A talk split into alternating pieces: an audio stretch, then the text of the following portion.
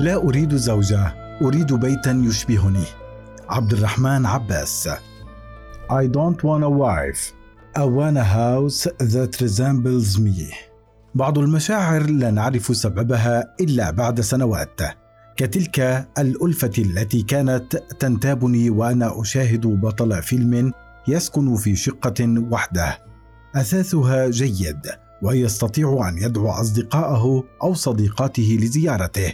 أما حبيبته فتجيء إليه لتلومه أحيانا على عدم فتح الشبابيك أو تذكيره بموعد ما. لذلك أحببت خالد أبو النجا وهاني سلامة كثيرا هما أبرز من رأيتهما في أدوار كهذه. تلك الألفة غير المبررة وقتها. عرفت سببها حين تخطيت الثلاثين وأدركت أنني كهؤلاء. أريد بيتا أسكنه وحدي وأدعو إليه أصدقائي وتزورني فيه حبيبتي التي لن تلومني على غلق الشبابيك لأني أحب الشمس. لكني حين انتقلت للعيش وحدي مؤخرا ورغم أني رجل أي ليس هناك من يراقبني أو يخاف على سمعتي كما يحدث مع النساء لكني فوجئت بمقاومة من الأهل سرعان ما تحولت إلى امتعاض على اتخاذ هذا القرار وهو أمر لم يخبرني به خالد أبو النجا أو هاني سلامة وأدركت أن ظهورهما في معظم الأدوار بدون أهل ربما كان إشارة إلى أن الأمور ليست بتلك السهولة المتخيلة لماذا رفضت أمي انتقالي للعيش في بيت وحدي؟ لأني غير متزوج.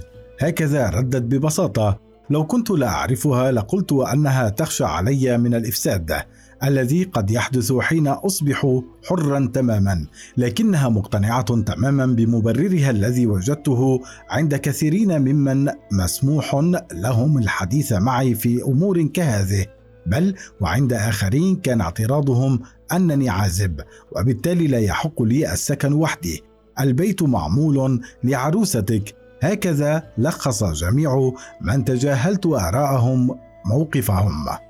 الفكرة ذاتها وجدتها أثناء بحثي عن شقة فبعض أصحاب الشقق يشترطون سكن الأزواج لا العزاب وإن كان مبرر هؤلاء معروفا وهو أن العازب بالتأكيد سيحول بيته إلى ملهى ليلي.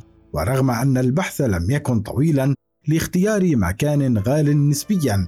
إلا أن أدركت معاناة النساء التي تفوقنا كثيرا في رحلة كتلك بل وأشفقت عليهم. المهم أن الجميع باختلاف أسبابهم اتفق على أن البيت وسيلة لتأسيس أسرة في إطارها الشرعي لا غاية. لذلك لم يفهم أحد قصدي حين أقول أريد بيتا لذاته لا أكثر. بالتأكيد جزء كبير من الربط بين البيت والشريك يعود في الأساس إلى الثقافة الدينية التي لعبت الدور الأبرز في تلك الرؤية. من خلال بعض التفاسير مثل تفسير الطبري الذي أوضح أن السكن المقصود به في الآية الكريمة وخلق لكم من أنفسكم ازواجا لتسكنوا إليها هو المنزل الذي تجد فيه الهدوء مع زوجتك أو زوجك.